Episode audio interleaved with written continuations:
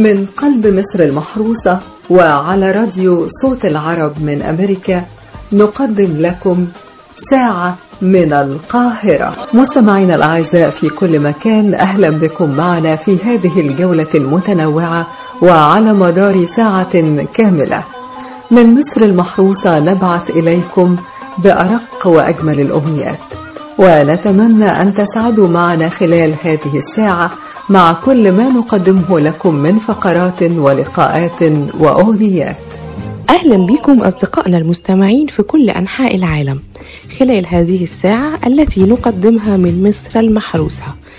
يا رب فقراتنا النهاردة تنال إعجابكم. ونحب ننوه في البداية إن إحنا هنكون معاكم كل يوم اثنين وخميس من الساعة خمسة مساء للساعة السادسة مساء بتوقيت الساحل الشرقي للولايات المتحدة. يعني من 12 مساء لواحدة بعد منتصف الليل بتوقيت القاهرة. والمستمعين في كل أنحاء العالم تابعونا كل اثنين وخميس من عشرة مساء إلى الساعة الحادية عشر مساء بتوقيت جرينتش. نقدم لحضراتكم الفقرة الإخبارية لهذا اليوم يقرأها عليكم محمد عمر من القاهرة. رئيس الوزراء الترويج للفرص الاستثمارية وحل مشكلات المستثمرين الجادين. ترأس دكتور مصطفى مدبولي رئيس مجلس الوزراء اليوم أول اجتماع لمجلس إدارة الهيئة العامة للاستثمار والمناطق الحرة بعد نقل تبعية ملف الاستثمار إلى رئاسة مجلس الوزراء وذلك لحل المشكلات التي تواجه المستثمرين واتخاذ كافة القرارات التي من شأنها تحقيق صالح الاستثمار في مصر. الحكومة المصرية نتوسع في إنشاء المناطق اللوجستية لتوفير السلع وضبط الأسعار قال المركز الإعلامي لمجلس الوزراء المصري اليوم الاثنين إن الدولة تخطط للتوسع في إنشاء المناطق اللوجستية والسلاسل التجارية في مختلف المحافظات بهدف تقليل حلقات التداول للسلعة من المنبع إلى المستهلك. وكذلك توفير تكلفة النقل التي تمثل 30% من التكلفة الإجمالية. وأوضح المركز أن هذه الخطوة تأتي تأكيدا لحرص الدولة على توفير السلع والمنتجات الغذائية للمواطنين بأسعار مخفضة وبجودة عالية بهدف ضبط الأسواق بمختلف محافظات الجمهورية. وأضاف المركز بأنه من المستهدف إقامة 60 منطقة لوجستية محورية وإقليمية على مستوى الجمهورية حتى عام 2030. المالية 19 مليار جنيه فائضا أوليا بالموازنة العامة خلال خمسة أشهر. أعلنت وزارة المالية عن تحقيق فائض أولي بالموازنة العامة للدولة خلال الفترة يوليو-نوفمبر 2019-2020 بنحو 19 مليار جنيه مقابل 15.9 مليار جنيه خلال نفس الفترة من العام المالي السابق له. وذكرت المالية في تقرير لها اليوم الاثنين أن إجمالي الإيرادات بلغ نحو 320.7 مليار جنيه خلال خمسة أشهر حيث سجلت الإيرادات الضريبية 247.3 مليار جنيه والإيرادات غير الضريبية 73.4 مليار جنيه. وزير النقل نستهدف إنشاء كوبري كل 25 كيلو على النيل. قال المهندس كامل الوزير وزير النقل إنه يستهدف إنشاء كوبري كل 25 كيلو متر على النيل لافتا إلى أن المشروع سيساهم في ربط الطريق الصحراوي الشرقي بين القاهرة وأسيوط بالطريق الزراعي الغربي عابرا بالنهر وخط سكة حديد القاهرة إلى أسوان وجنوب مدينة ديروت بالمنيا. وأضاف وزير النقل إن تكلفة إنشاء الكباري والمحاور على النيل بلغت نحو 14 مليار جنيه حتى الآن. مؤكدا لم نترك أي طريق زراعي دون إنشاء محور ارتفاع وفيات كورونا بالصين إلى 909 حالة. أعلنت السلطات الصينية اليوم الاثنين ارتفاع حالات الوفاة بفيروس كورونا إلى 909 حالة بالإضافة إلى تسجيل 40235 حالة إصابة مؤكدة بالفيروس في 31 منطقة ومدينة ومقاطعة على مستوى أرجاء البلاد. وذكرت اللجنة الوطنية للصحة في تقرير يومي أنه تم تسجيل 3062 حالة إصابة جديدة بفيروس كورونا و97 حالة وفاة جديدة و91 حالة وفاة منها في مقاطعة هوبي بوسط الصين مركز تفشي الفيروس. وزارة الصحة للبرلمان لا توجد أي حالات مصابة بفيروس كورونا في مصر. استمعت لجنة الشؤون الصحية بمجلس النواب إلى ممثلي وزارة الصحة بشأن الإجراءات الاحتياطية والاحترازية المتخذة للوقاية من فيروس كورونا وضمان عدم وجوده في مصر. وقال رئيس اللجنة الوطنية للوائح الصحية الدولية ورئيس الإدارة المركزية للطب الوقائي بوزارة الصحة والسكان أن إجمالي الحالات المؤكدة بالإصابة على مستوى العالم بلغ 37,563 حالة منها 37,251 حالة بدولة الصين مشيرا إلى أن دولة الصين هي المتأثرة بالتفشي الوبائي وأن إجمالي الحالات المؤكدة التي ظهرت في دول أخرى بلغ 248 حالة في 24 دولة. وأكد أن مصر خالية من أي إصابة مؤكدة بفيروس كورونا المستجد حتى الآن. وعلى جانب آخر قالت الدكتورة هالة زايد وزير الصحة والسكان إن المصريين العائدين من الصين جميعهم بحالة جيدة ويتلقون الخدمات الطبية العادية. وأضافت الوزيرة في تصريحات صحفية اليوم الاثنين أنه حتى الآن لم يتم اكتشاف أي حالات مصابة بفيروس كورونا بين العائدين من الصين. وإليكم هذا الخبر الفني عن جوائز الأوسكار. باراسايت أفضل فيلم سينمائي في الأوسكار. نجح الفيلم الكوري الجنوبي باراسايت أو الطفيلي في حصد جائزة أفضل فيلم سينمائي ضمن جوائز الأوسكار. في الدورة 92 المقامة حاليا على مسرح دولبي بهوليود. بعد صراع كبير مع عدد من الأعمال السينمائية الشهيرة. ونجح النجم خواكين فينيكس في الفوز بجائزة أفضل ممثل عن دوره بفيلم جوكر المقتبس من القصة الأصلية للمهرج آرثر فيليك والتي تعد أشهر شخصيات عالم دي سي كوميك. كما حصدت الممثلة العالمية ريني زيلو ويجر جائزة أفضل ممثلة رئيسية عن دورها في فيلم جودي. ونختتم هذه الجولة الإخبارية بهذا الخبر الرياضي. إقامة مباراة القمة بين الأهلي والزمالك في استاد القاهرة. وافقت الجهات الأمنية على إقامة مباراة الأهلي أمام الزمالك المقرر إقامتها يوم 24 فبراير الجاري ضمن منافسات الدوري على ملعب استاد القاهرة. وتسلم اتحاد الكرة الموافقة الرسمية من الجهات الأمنية على إقامة مباراة القمة بين الأهلي والزمالك المؤجلة من الجولة الرابعة بالدوري باستاد القاهرة. وكان اتحاد الكرة برئاسة عمرو الجنايني قد أكد مرارا وتكرارا بأن قمة الدوري ستظل في موعدها المحدد. 24 فبراير نافيا وجود أي نية لتأجيل اللقاء. سيدتي وسادتي انتهت فقرتنا الإخبارية لهذا اليوم. أترككم في رعاية الله وأمنه على أمل أن يتجدد اللقاء في فقرة جديدة. كان معكم محمد عمر لراديو صوت العرب من أمريكا. من قلب مصر المحروسة وعلى راديو صوت العرب من أمريكا ساعة من القاهرة. والآن مستمعينا الكرام جاء موعدنا مع الفقرة الدينية. وفقرتنا الدينية اليوم تتناول بالشرح الحديث النبوي الشريف الذي يقول اللهم إني أعوذ بك من علم لا ينفع ومن قلب لا يخشع ومن نفس لا تشبع ومن دعوة لا يستجاب لها. رواه الإمام مسلم وصدق رسول الله صلى الله عليه وسلم. بسم الله الرحمن الرحيم. الحمد لله وكفى وصلاة وسلاما على عباده الذين اصطفى وبعد. فإن محل نظر الله عز وجل في العبد هو القلب.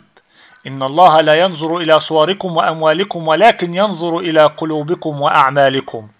لذلك كان على العبد واجبا أن يطهر قلبه بالكلية لله عز وجل. يطهره من حب الدنيا. ومن حب الشهوات يطهره من الأمراض القلبية من الحقد والحسد والكراهية وغيرها من الأمراض التي تحجب الإنسان عن رضاء الله عز وجل. لذلك النبي صلى الله عليه وسلم يصف في هذا الحديث القلب الذي لا يخشع وهو القلب القاسي البعيد عن الله عز وجل. فويل للقاسية قلوبهم من ذكر الله عز وجل. الذين لا يذكرون الله عز وجل الذين يقول الله عز وجل فيهم وقالوا قلوبنا غلف بل لعنهم الله بكفرهم. هؤلاء هم الذين أظلمت قلوبهم ولم تهتدي لنور الإيمان. لأن الحبيب المصطفى صلى الله عليه وسلم يقول إن العبد إذا أذنب ذنبا نكت نكتة سوداء في قلبه فإن زاد زادت حتى قرأ قول الله عز وجل كلا بران على قلوبهم ما كانوا يكسبون كلا إنهم عن ربهم يومئذ لمحجوبون. فهذا القلب الذي امتلأ بالظلمة والذي امتلأ بحب الشهوات وغيرها هو قلب محجوب عن نور الله عز وجل يوم لقاء الله عز وجل وهذا القلب هو القلب القاسي في الدنيا الذي لا يخشع لتلاوة القرآن والذي لا يخشع لذكر الله عز وجل والذي لا تؤثر فيه الصلوات والطاعات والقربات التي يفعلها العبد لله عز وجل. فهذا هو المقصود بهذا القلب الذي لا يخشع أما عن النفس التي لا تشبع فتجد معظم الناس يعيشون لحظتهم يريدون مزيدا من المال ومزيدا من الرفاهية ومزيدا من المتعة. فالحبيب المصطفى صلى الله عليه وسلم يقول لو كان لابن آدم واديا من ذهب لتمنى الثاني ولو كان له واديان لتمنى الثالث ولا يملأ عين ابن آدم إلا التراب.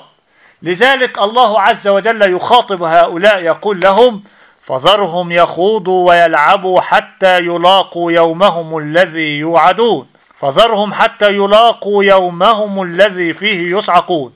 فهؤلاء هم الغافلون عن طاعة الله عز وجل. هؤلاء هم الذين شغلتهم الدنيا وما فيها عن العبادة وعن ذكر الله عز وجل. ولقد قال الله عز وجل في كتابه قل إن كان آباؤكم وأبناؤكم وإخوانكم وأزواجكم وعشيرتكم وأموال اقترفتموها وتجارة تخشون كسادها ومساكن ترضونها. أحب إليكم من الله ورسوله وجهاد في سبيله فتربصوا حتى يأتي الله بأمره. والله لا يهدي القوم الفاسقين. ولقد خاطبنا الله عز وجل في هذا الحديث القدسي وقال يا عبادي إني أتممت عليكم نعمتي وأرسلت إليكم الرسل الكرام ليعرفونكم أحكام شريعتي. فلماذا تعرضون عني وأنا الغني الكريم؟ فوعزتي وجلالي لو أطعتموني لنصرتكم على أعدائكم ولو استعنتم بي في الشدائد لأعنتكم ولكنكم أعرضتم عني فوقعتم في الذل والعذاب المهين فهذا شأن كل نفس انشغلت بالدنيا وانشغلت بأهوائها وحظوظها وشهواتها عن طاعة الله عز وجل حتى أظلمت تلك القلوب فهي كالحجارة أو أشد قسوة. وصلى الله على سيدنا محمد وعلى آله وصحبه وسلم. من قلب مصر المحروسة وعلى راديو صوت العرب من أمريكا ساعة من القاهرة. تعتبر إدارة الآثار الغارقة من الإدارات النوعية بوزارة الآثار المصرية.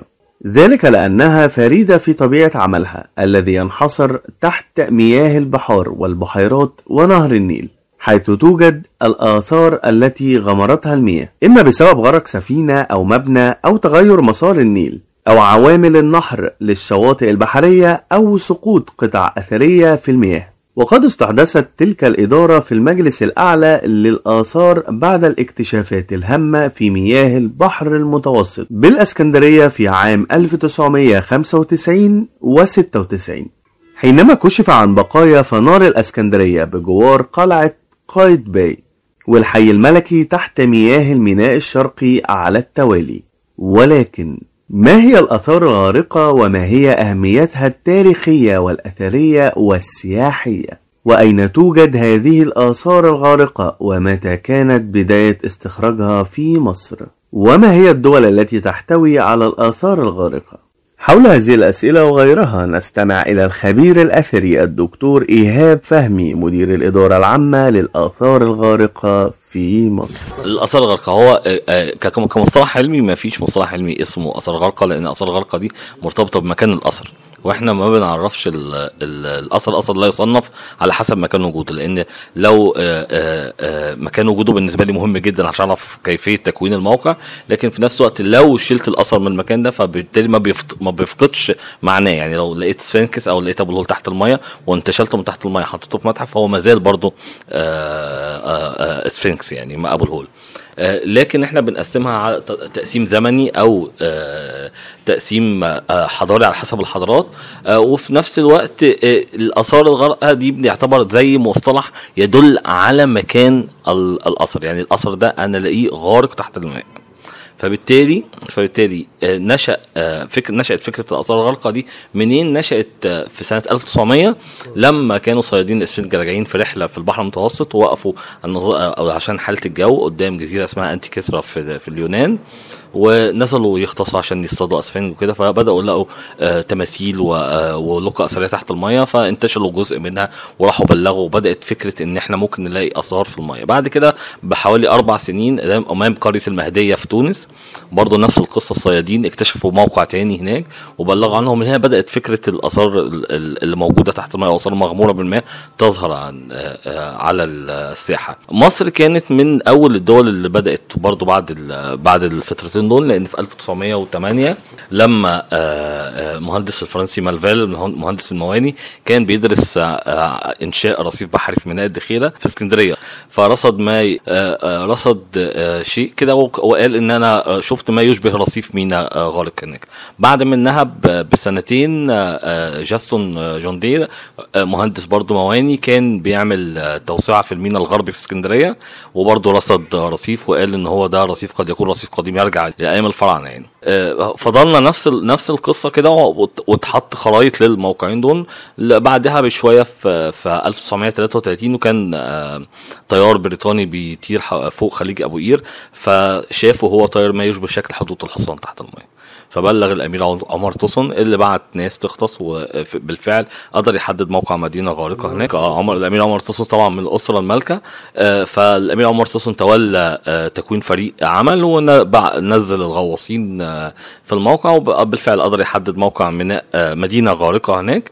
وانتشل راس تمثال ال- الإسكندر من الرخام وراحت على المتحف اليوناني. وبعد كده بدأت تتطور الأحداث واحدة واحدة في الستينيات ظهر كمال ابو السعدات اونر فروست اليونسكو بعتها وبدأوا يعملوا آه، بعض ال- آه، الشغل السعدات كان صياد وشغلته ساعدته إن هو يحدد بعض المواقع الأثرية في الميناء. آه صياد بي- بيخ- بيغطس بيصطاد بالحربة وبدأ آه، شغلته آه، ان هو بينزل يغطس فبدأ يلاقي مواقع أثرية وبدأ يسجلها وعمل لنا خرائط للميناء الشرقي والقلعة وأبو قير وبره وشرق السلسلة. واليونسكو بعت آه، عالمه الآثار البحرية اونر فروست عشان تساعده في الفترة دي لحد ما آه، بدأت أول بعثة منظمة في مصر سنة 1984 ب- بقيادة جاك دوما واشتغلت على اسطول نابليون الغارق. في أبو قير اشتغلت ثلاث مواسم من 84 ل 85 أبو قير شرق آه، شرق اسكندرية أبو قير في خليج أبو قير في اسكندرية يعني.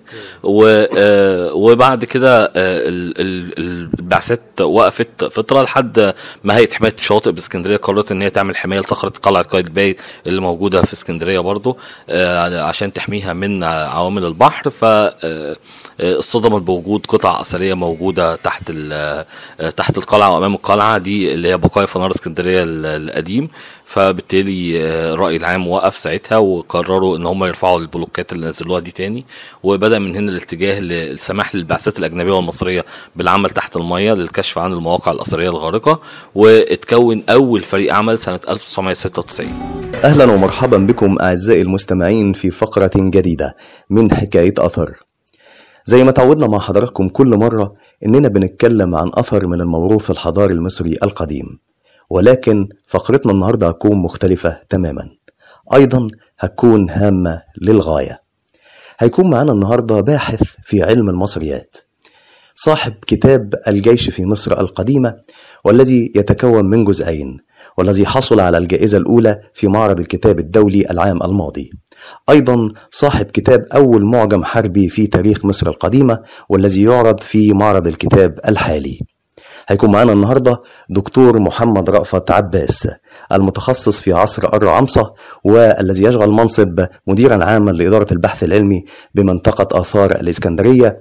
وهيتكلم النهاردة عن الإنجاز والكنز الثمين الذي تفرد به وأخذ يعمل به على مدار سبعة أعوام لكي يخرج لنا هذا الكنز الثمين يلا بينا مع بعض نتعرف على هذا الكنز الثمين أول معجم حربي في تاريخ مصر القديمة والذي يضم سير الملوك المحاربين والمعارك الحربية الكبرى في مصر القديمة. أهلا وسهلا آه، جمهور المستمعين الأعزاء وفي البداية أحب أشكر الصديق والإعلامي المتميز الأستاذ محمد عمر على هذه ال- المقدمة البليغة اللي تشرفت بها كل الشرف.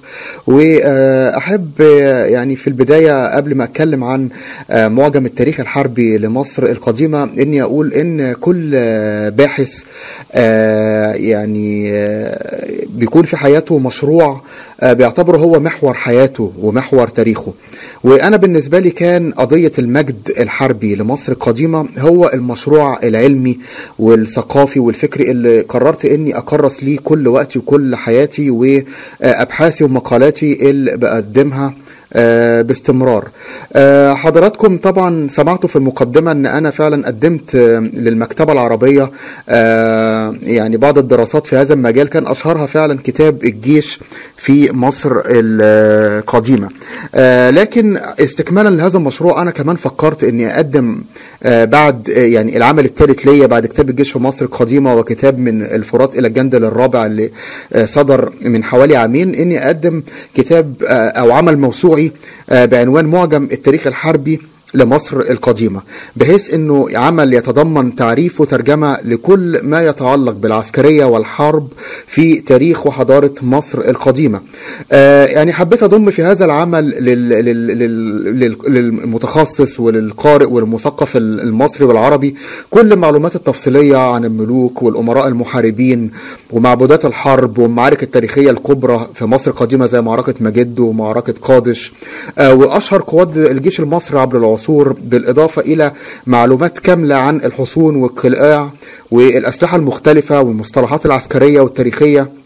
والممالك والإمبراطوريات آه، والشعوب الأجنبية المعاديه لمصر أو الخاضعة للإمبراطورية المصرية في ذلك الوقت آه، بالإضافة كمان للمواقع الجغرافية والأثرية والقطع الأثرية الموجودة في المتاحف العالمية والمتعلقة بتاريخ مصر العسكري القديم. آه، طبعا أنا ذكرت في بداية حديثي ان إن يعني كل باحث بيكون ليه مشروع وأنا قضية المجد الحربي لمصر القديمة هي مشروعي العلمي والفكري اللي دايما يعني قدمت في من خلالها عشرات ال ال الندوات آه، والمحاضرات والمقالات وكمان حتى يعني يعني ربنا أكرمني إن أنا قدمت عشرات المقالات العلمية المنشورة في آه، دوريات عديدة في أوروبا آه، في فرنسا وهولندا وبلجيكا وألمانيا. ويمكن أحب يعني أعرف جمهور السادة المستمعين بمعلومة مهمة جدا إن أنا يعني الح- والحمد لله نجحت في الحصول من إحدى مؤسسات دعم البحث العلمي في ألمانيا على آه، يعني أول آه، يعني كأول باحث مصري على آه، منحة تنظيم المؤتمرات العلمية الدولية من مؤسسة فريتز تيسن الألمانية وإن شاء الله في خلال شهر مايو القادم سيعقد في متحف الفن المصري في ميونخ في ألمانيا بالمشاركة مع زميلي بروفيسور فريدهلم هوفمان. إن, إحنا هنعقد أول مؤتمر دولي في تاريخ علم المصريات عن العسكرية المصرية القديمة في عصر الرعامسة اللي هو عصر الأسرتين ال 19 وال 20 وهو من أبهى عصور المجد الحربي في مصر القديمة. المؤتمر ده إن شاء الله هيعقد في 29 و30 مايو القادم في ميونخ في ألمانيا وهيضم اكبر نخبة علماء المصريات المتخصصين في هذا آه، في يعني في دراسة العسكرية المصرية القديمة آه، على مستوى العالم من أوروبا وأمريكا والبلدان المختلفة فإن شاء الله ده المؤتمر ده متوقع يكون الحدث الأهم والأكبر في علم المصريات خلال سنة 2020 وبإذن الله يعني نقدر نأدي دورنا ورسالتنا في تعريف العالم بمجد وتاريخ حضارة مصر القديمة آه، كما ينبغي أن يكون. وفي نهاية فقرتنا أعزائي المستمعين نتقدم بالشكر إلى الدكتور محمد رأفت عباس الباحث في علم المصريات ومدير عام إدارة البحث العلمي بمنطقة آثار الإسكندرية. أترككم في رعاية الله وأمنه على أمل أن يتجدد اللقاء في فقرة جديدة من حكاية أثر.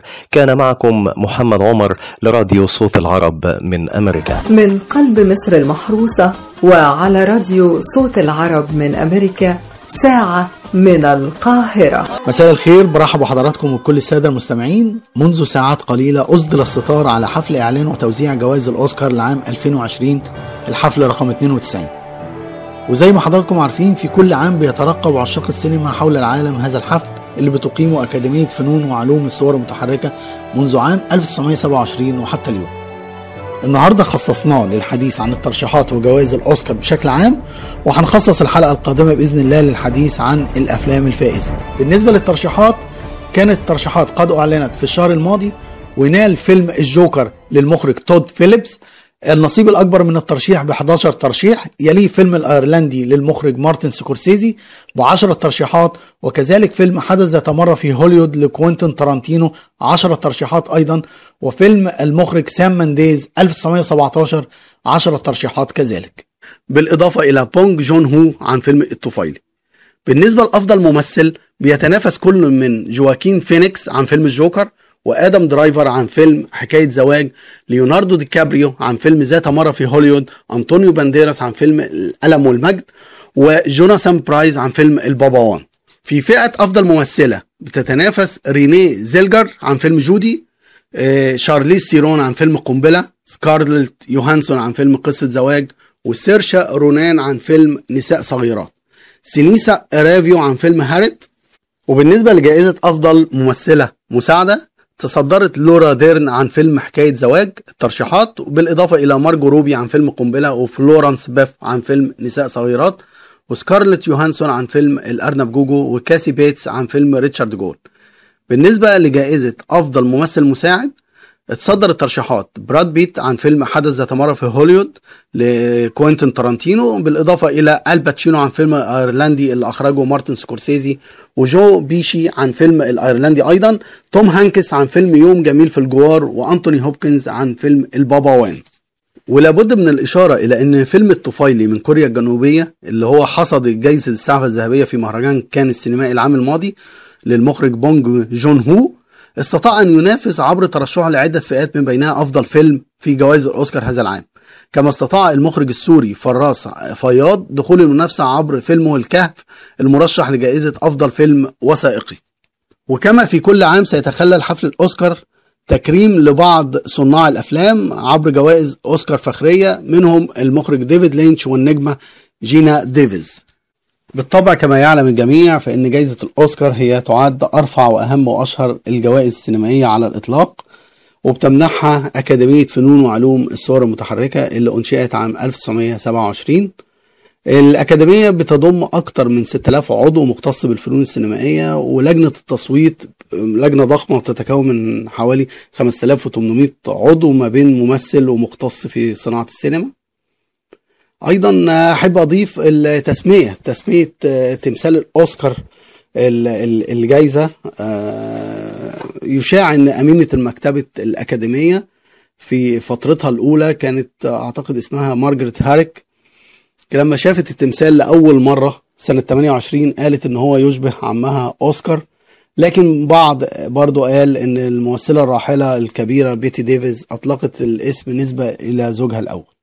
أيضا أحب أضيف إن الفيلم عشان يترشح لحفل الجوائز الأوسكار يجب أن يكون الفيلم قد تم عرضه في صالات السينما في كاليفورنيا الأمريكية في السنة السابقة للترشيح من يناير إلى ديسمبر. ويجب أن يكون طول الفيلم ما يقلش عن 40 دقيقة عشان يتنافس على جائزه الأفلام الطويلة وإلا إن هو هيصنف كفيلم قصير. وأحب أضيف برضو لحضراتكم آه إن كان أكتر فيلم حصل على جوائز أوسكار كان فيلم بن هور آه سنة 1959 اللي أخرجه ويليام وايلر وبطولة تشارلتون هيستون وحاز 11 جائزة أوسكار من أصل 12 يليه فيلم تايتانيك اللي حصد 11 جائزة أوسكار من أصل 14 ترشيح. بالإضافة إلى فيلم الإمبراطور الأخير سنة 87 آه كان 9 جوائز والمريض الإنجليزي برضو 9 جوائز سنة 96 قصة الحي الغربي 10 جوائز من 11 ترشيح سنة 61 كان في فيلم ذهب مع الريح طبعا إحنا إزاي ناسينه كان 8 جوائز أوسكار من أصل 13 ترشيح سنة 1939 دي كانت أهم المعلومات عن جائزة الأوسكار وأهم الأفلام المرشحة. وطبعا الجوائز أعلنت النهاردة وأصدر الستار على أهم حدث سينمائي عالمي. انتظرونا في الحلقة القادمة يوم الخميس إن شاء الله. هنكلمكم عن الأفلام الفايزة والممثلين والمخرجين اللي حصدوا جوائز الأوسكار رقم 92 شكرا لكم ولكم تحياتي. كان معكم من القاهرة الناقد السينمائي محمد كمال مبارك لراديو صوت العرب من أمريكا. من قلب مصر المحروسة وعلى راديو صوت العرب من أمريكا ساعة من القاهرة. مستمعينا الأعزاء أهلا ومرحبا بكم في فقرة النهاردة للأبراج. في فقرة الأبراج النهاردة هنعرف إيه هي القاعدة اللي بيؤمن بيها كل برج في حياته. كمان هنعرف توافقات برج الدلو مع بقية الأبراج. استنونا. برج الميزان هيقولك ما يهمنيش إيه اللي في قلبك. من ناحيتي اللي يهمني إنك تعاملني بما يرضي الله. وتكون لبق معايا وابن ناس. غير كده ما يهمنيش. أما القاعدة اللي بيؤمن بيها برج الدلو الاستذكاء أقبح من الغباء. يا ريت ما تعملش نفسك فاهم وانت مش عارف إيه الموضوع أصلا. حاول إنك تبعد عن الجدال إذا كنت أضعف منه. أما بقى برج العقرب هيقولك مش قد القرب مني ما تقربش. عشان أي محاولة منك للقرب وبعدها تبعد هيفهمها إنها لعبة منك وهو بيكره ده جدا إن شخص يلعب بيه. أما قاعدة برج السرطان في حياته ما تضحكش في وشي لو كنت ناوي تتكلم عليا من ورايا. ببساطة حاول تتجنبه لأنك لو ضحكت في وشه واتكلمت عليه بطريقة وحشة من وراه هتكون عدوه الأول وممكن يرد لك الصاع صاعين. أما بقى برج الجدي هيقولك لو مش فاهم حاجة من تصرفاتي تعالى واسألني. ما تفسرش وتحلل أي حاجة إلا لما تيجي وتسألني. أما قاعدة برج الجوزاء كلنا بنغلط. بلاش تعمل نفسك ملاك قدامي. أما القاعدة اللي بيؤمن بيها برج الأسد فهي الاعتراف بالخطأ لوحده مش كفاية. لازم تكفر عن أخطائك بالندم وإنك تعمل حاجات كويسة في حق الشخص اللي غلطت فيه كتعويض عن الإساءة. برج القوس هيقولك تقبل الصراحة زي ما بتتقبل المجاملة. فكون إني بصرحك بحقيقتك قدامك مش من وراك دي حاجة أستحق عليها الشكر. برج الحمل عنده قاعدة في حياته. ما تحاولش تفرض رأيك عليا بالصوت العالي. أنا مش باخد أوامر من حد. اللي عايز أعمله هعمله. بس لو كلمته بأسلوب كويس ممكن ساعتها يتناقش معاك. برج الحوت أفضل صفة بتجذبه في الإنسان الوفاء. عشان كده الناس اللي يتمر فيها المعروف ما يتحملش شخص يطعنهم في ظهرهم أو ينكر فضلهم. برج الثور عنده قاعدة في حياته بتقول إن الحب مش كلام وشعارات الحب فعل وتضحية وصبر. ترجم كلماتك لأفعال. هيدل إنك شخص سوي وتستاهل منه كل الحب. أما الناس اللي كلامها أكتر من أفعالها ملهمش في قلبه مكان. برج العذراء هيقولك خلي قلبك أبيض وتعلم تسامح اللي أخطأوا في حقك. فبرج العذراء عنده قاعدة في حياته بتقول كوني أرجع أتعامل مع شخص أساء ليا ده مش غباء ده قمة القوة. بما إننا لسه في شهر برج الدلو فكلامنا عن برج الدلو لسه مخلصش إيه هي توافقات برج الدلو مع بقية الأبراج. الدلو مع الحمل علاقة حية ومثيرة.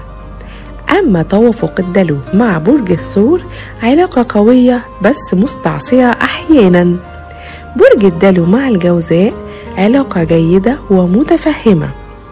أما علاقة برج الدلو مع برج السرطان هتكون علاقة مؤلمة. علاقة برج الدلو وبرج الأسد علاقة مسلية للغاية. وعلاقة برج الدلو بالعذراء علاقة غير منسجمة. وبرج الدلو والميزان علاقة مذهلة. الدلو والعقرب علاقة متضاربة. برج الدلو والقوس علاقة متقاربة الاتجاهات. أما برج الدلو والجدي علاقة قد تكون شائكة. برج الدلو مع الحوت علاقة مثيرة للاهتمام. أما علاقة برج الدلو مع الدلو فهتكون علاقة مميزة للغاية. إلى هنا أعزائي المستمعين انتهت فقرة الأبراج بس كلامنا عن الأبراج لسه ما انتهاش. استنونا الحلقة الجاية لسه في كلام كتير عن الأبراج. كانت معاكم من القاهرة صوفيا حاتم لراديو صوت العرب من أمريكا. دمتم بخير. مستمعينا الأعزاء انتهت فترتنا وفقراتنا لهذا اليوم وعلى أمل أن يتجدد اللقاء بكم دائما. وفي نهاية هذه الساعة نرسل لكم من مصر المحروسة بأرق تحياتنا وأجمل أمنياتنا.